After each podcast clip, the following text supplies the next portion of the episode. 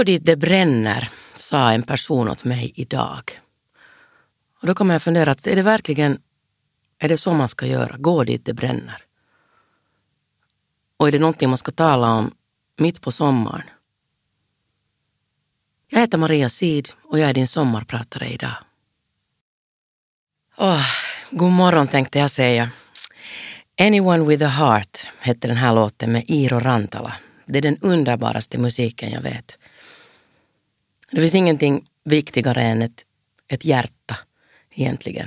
Att leva med hela sitt hjärta och, och känna. Iro Rantala skriver underbar musik. Jag har faktiskt nöje att jobba med honom just nu. Vi, vi håller på att jobba med, med hans nyskrivna opera. Och eh, han har visat mig en helt ny värld när det kommer till musik. Och ni hörde ju själva. Det var helt fantastiskt. Jag tänker ofta på det här med, med hjärta och med själ kontra kroppen och vem vi är. Vi är ju egentligen en kropp.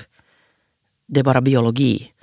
Men vad är allt det här beteende och alla de här tankarna och själen och hjärta, vad är det egentligen? Ibland har jag haft olika mystiska jobb. Jag har ibland som skådespelare hamnat in i situationer när jag spelar olika roller. Och en gång spelade jag en läkare som, som sa att ett hjärta är bara ett hjärta, det är bara så att vi opererar. Men det är ju inte alls så egentligen. Just nu sitter jag här i studion och funderar på att vad ett eh, sommarprat egentligen ska vara. Ska det vara någon slags bokslut eller någon slags, någon slags historia om mig eller någonting. Men jag tror, att, jag tror att jag idag faktiskt ska berätta för er om det jag tänker på just nu. Allt det som jag går och funderar på just nu. Och kanske det är Kanske det är om om att vara modig, om att vara sig själv.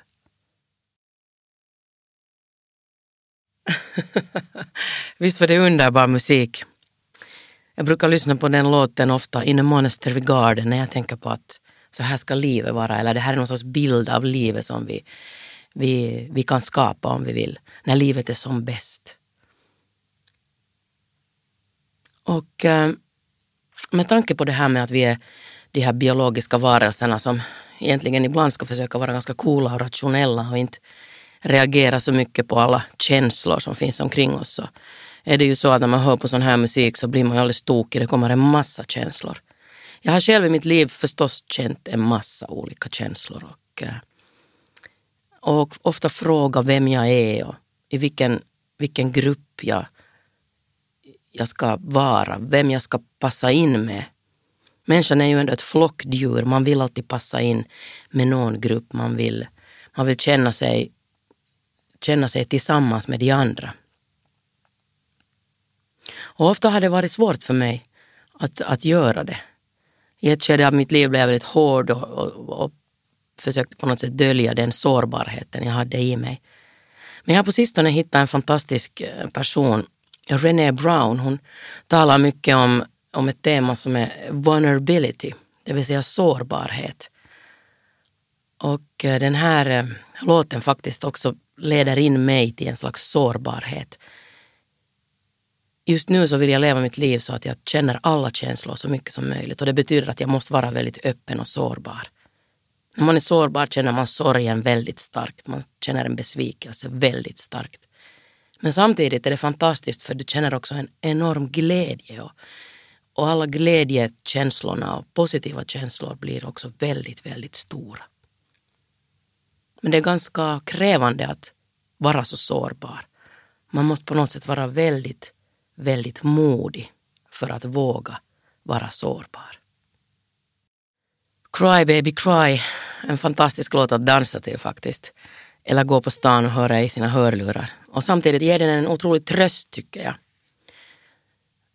Att vara modig är ju egentligen en risk man tar. Att våga vara känslig och öppna sig. Och, och vad är den risken egentligen när man ska vara modig och säga någonting som är mot kanske någon annan eller, eller eh, vill lyfta en fråga som är svår och risken är ju där det att man gör bort sig. Och det är ju det vi människor är nästan mest rädda för hela tiden, att göra bort sig. I mitt yrke handlar det väldigt mycket om att göra bort sig. Jag jobbade med Dario Fo en gång och han var helt fantastisk när han, jag försökte prestera världens uh, skådespeleri för honom och, och visa att titta vad duktig jag är, titta vad duktig jag är. Och han sa bara att kan du nu bara slappna av och sluta att snälla att våga göra bort dig. Sen kan vi se vad som händer. Och därifrån började en helt ny episod i mitt yrkesliv faktiskt. När jag började våga göra bort mig. Då började jag hitta material som jag kunde eh, bjuda åt, åt åskådaren så att åskådaren kunde leva sig in i på ett helt annat sätt i det vad jag gjorde. Det var helt fantastiskt. Den här tiden just nu är faktiskt ganska speciell för mig. Det har talats väldigt mycket om metoo-rörelsen och, och det här med att vara modig och, och tala ut, egentligen handlar ju hela metoo-rörelsen om det. Jag har blivit helt chockad när, när jag har läst eh, sådana eh, hemliga Facebookgrupper där, där kvinnor har berättat hur de har blivit behandlade och, och vad som har hänt i deras liv. Och eh, jag hade aldrig trott att det var så stort egentligen. Jag blev lika förvånad som hela världen över det att, oj nej, kan det vara så att hälften av alla människor på jordklotet känner sig lite förfördelade och, och eh, till exempel på kvällarna mm, när de går hem så är rädda att någon ska, någon ska göra någonting åt dem eller, eller, eller sådana saker. Det intresserar mig aldrig tidigare. Men i och med, i och med det att man började tala om de här sakerna och, och i och med det att jag läste de här grupperna som var hemliga så märkte jag en sån otrolig energi, en otrolig samhörighet när kvinnor öppnar sig och berättar vad som har hänt åt dem. Just nu säger många att, att det är nog nu att metoo-rörelsen har gått för långt och, och att det, det är inte mera liksom, hur ska jag säga, aktuellt utan, utan att uh, man har överskridit någon slags gräns. Men då börjar jag fråga en att uh, det kan väl inte finnas något fel i det att, att människor kräver lite respekt till deras liv. Det kan väl inte finnas något fel i det om man vill bli väl behandlad.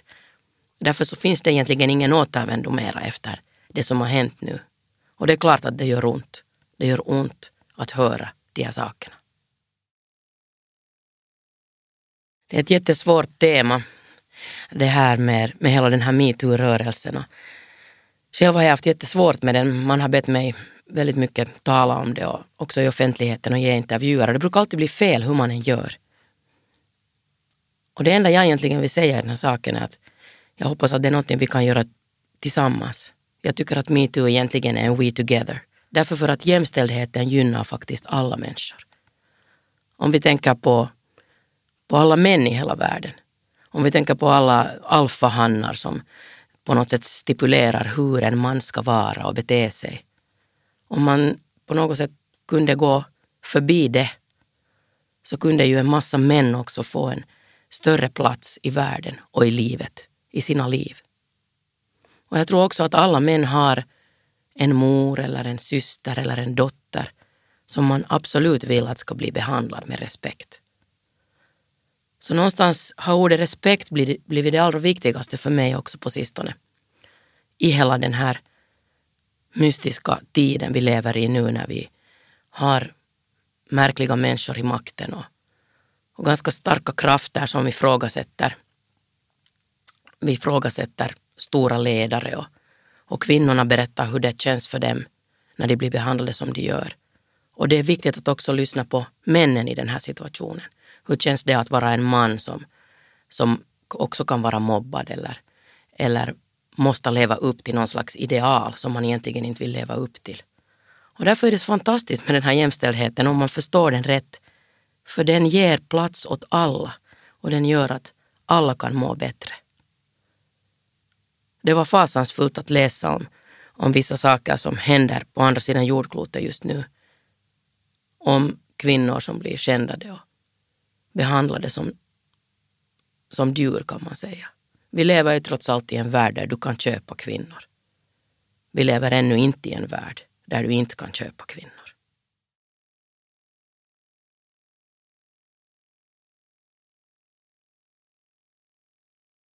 Adventure of a lifetime. Jag ser ofta mitt liv som ett äventyr. Ett äventyr som jag inte alls vet hur det ska sluta eller vad som kommer att hända och det är så det är att vara människa. Vi har ingen aning om vart vi är på väg och vad som kommer att hända åt oss. Men hittills så har mitt liv varit ett fantastiskt äventyr. Från att ha varit en ganska känslig och blyg person så, så kunde jag gömma mig bakom, bakom olika roller och, och jag kunde klara av den där blygheten och den där känsligheten. Sen blev jag ganska hård i och för sig. Med tanke på det som har hänt den här våren och, och allt, allt, som, allt som på något sätt man har hört och, och, och när alla människor har börjat tala om de riktiga sakerna i deras liv så, så har det hänt någonting stort med mig också. Jag har på något sätt kunnat behandla vissa saker som har hänt i mitt liv. När jag var en ung, jätteglad brud, jag hade just gift mig och jag var otroligt lycklig, så hamnade jag i en situation att eh, den människa som jag gifte mig med misshandlade mig grovt. Och eh, det värsta var för mig kanske där var det att jag gömde, gömde hela den, den incidenten. Jag vågade aldrig tala om den med någon.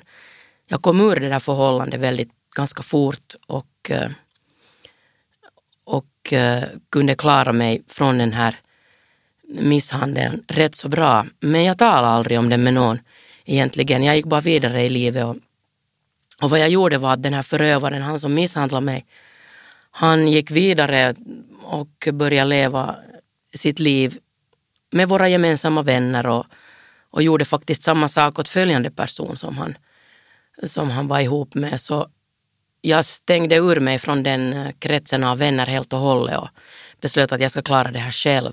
Så jag sa ingenting. Jag tänkte bara att ensam är stark, jag kommer att klara mig genom det här. Jag ångrar mig väldigt mycket över att jag inte polisanmälde honom. Det skulle ha hjälpt honom. Det skulle ha hjälpt mig. Och jag skulle kanske kunna ha kvar de vännerna som jag egentligen förstår att, att, eh, att jag måste överge. Så istället för att överge sina vänner och börja leva någon slags ensam vargliv så, så borde jag ha polisanmält honom och jag borde ha gått vidare och berättat det och varit öppen och behållit de vännerna som jag hade. Och den här våren har visat för mig att det är så man gör, det är så man ska göra. Jag vill, jag vill att aldrig mera ska en kvinna behöva gömma undan en sån här sak. Jag vill att aldrig mera ska en dotter till någon behöva sitta ensam och gråta över att den har blivit slagen. Lämna inga dörrar på glänt. En helt otrolig låt. Med tanke på, på hur man ska överleva i livet när man har gått igenom svåra saker så är det just faktiskt den stora frågan att ska man stänga alla dörrar eller ska man lämna dem på glänt? Det kan jag definitivt inte ens svara på. Jag har säkert alla dörrar lite på glänt hela tiden trots allt. Det är en fantastisk låt det här och jag är otroligt lycklig. Just nu jobbar jag med det här materialet. Um, när vi sätter upp Chess på Svenska Teatern på hösten och uh, och det är så fantastisk musik och den gör mig så emotionell. Och den här låten har hjälpt mig och stött mig genom livet väldigt mycket. Så jag ville verkligen dela det med er. Jag hoppas att ni, ni det där upplever samma sak. Dessutom kan man dansa loss på den jättebra. Jag brukar alltid dansa när jag lyssnar på den. Man kan liksom inte låta bli. Jag har känt mig stark den här våren när jag har kunnat dela med mig av mina svåra stunder. Och jag har fått en insikt i det att, att uh, ensam är inte så stark egentligen. Och för uh, några år sedan, eller det kanske tio år sedan redan, så, så träffade jag mm, några skådespelerskor som jag beundrar stort och vi jobbar tillsammans. De är fantastiska människor och vi satt en kväll i bastun, vi var på någon inspelning och, och pratade om att, att det finns så fina sådana här saunaseuroja och bastusällskap och associations och, och sådana herrklubbar där man möts och röker cigarr och pratar viktiga saker. Och så tänkte vi att nej men jösses, att, att, tänk att, att varför har vi inga sådana rum? Och då grundade vi en egen association. Vi grundade Enid Blyton Association. Och eh, vi var först eh, fyra medlemmar och nu, vi var först tre medlemmar, sen blev vi fyra och sen tog vi in vår sista medlem. Efter det finns det inga platser kvar faktiskt. Så nu är vi fem medlemmar och vi träffas ibland, inte så ofta för vi är ganska upptagna allihopa, men ibland reser vi någonstans. Och jag kan säga att när jag på något sätt trodde att jag genom någon slags ensamhet skulle klara mig genom alla de här svåra stunderna så, så kan jag säga att det att vi grundade den här eh, association-gruppen, med den gruppen förstod jag att det är otroligt fint att ha ett sånt stöd, att ha alla de människorna i ryggen hela tiden. Så jag rekommenderar alla unga kvinnor faktiskt eftersom det på något sätt har varit mer naturligt för män att grunda de här klubbarna. Så jag rekommenderar alla kvinnor också att, att grunda sådana här sällskap. Det kan vara också slutna sällskap eller öppna sällskap där man kan ventilera och eh, känna sig fri. Man kan känna sig eh, öppen och dela sina, sina både glädje, glädjeämnen och, och sorger med. Jag tror att det är otroligt viktigt. Och jag lärde mig faktiskt att ensam är inte stark.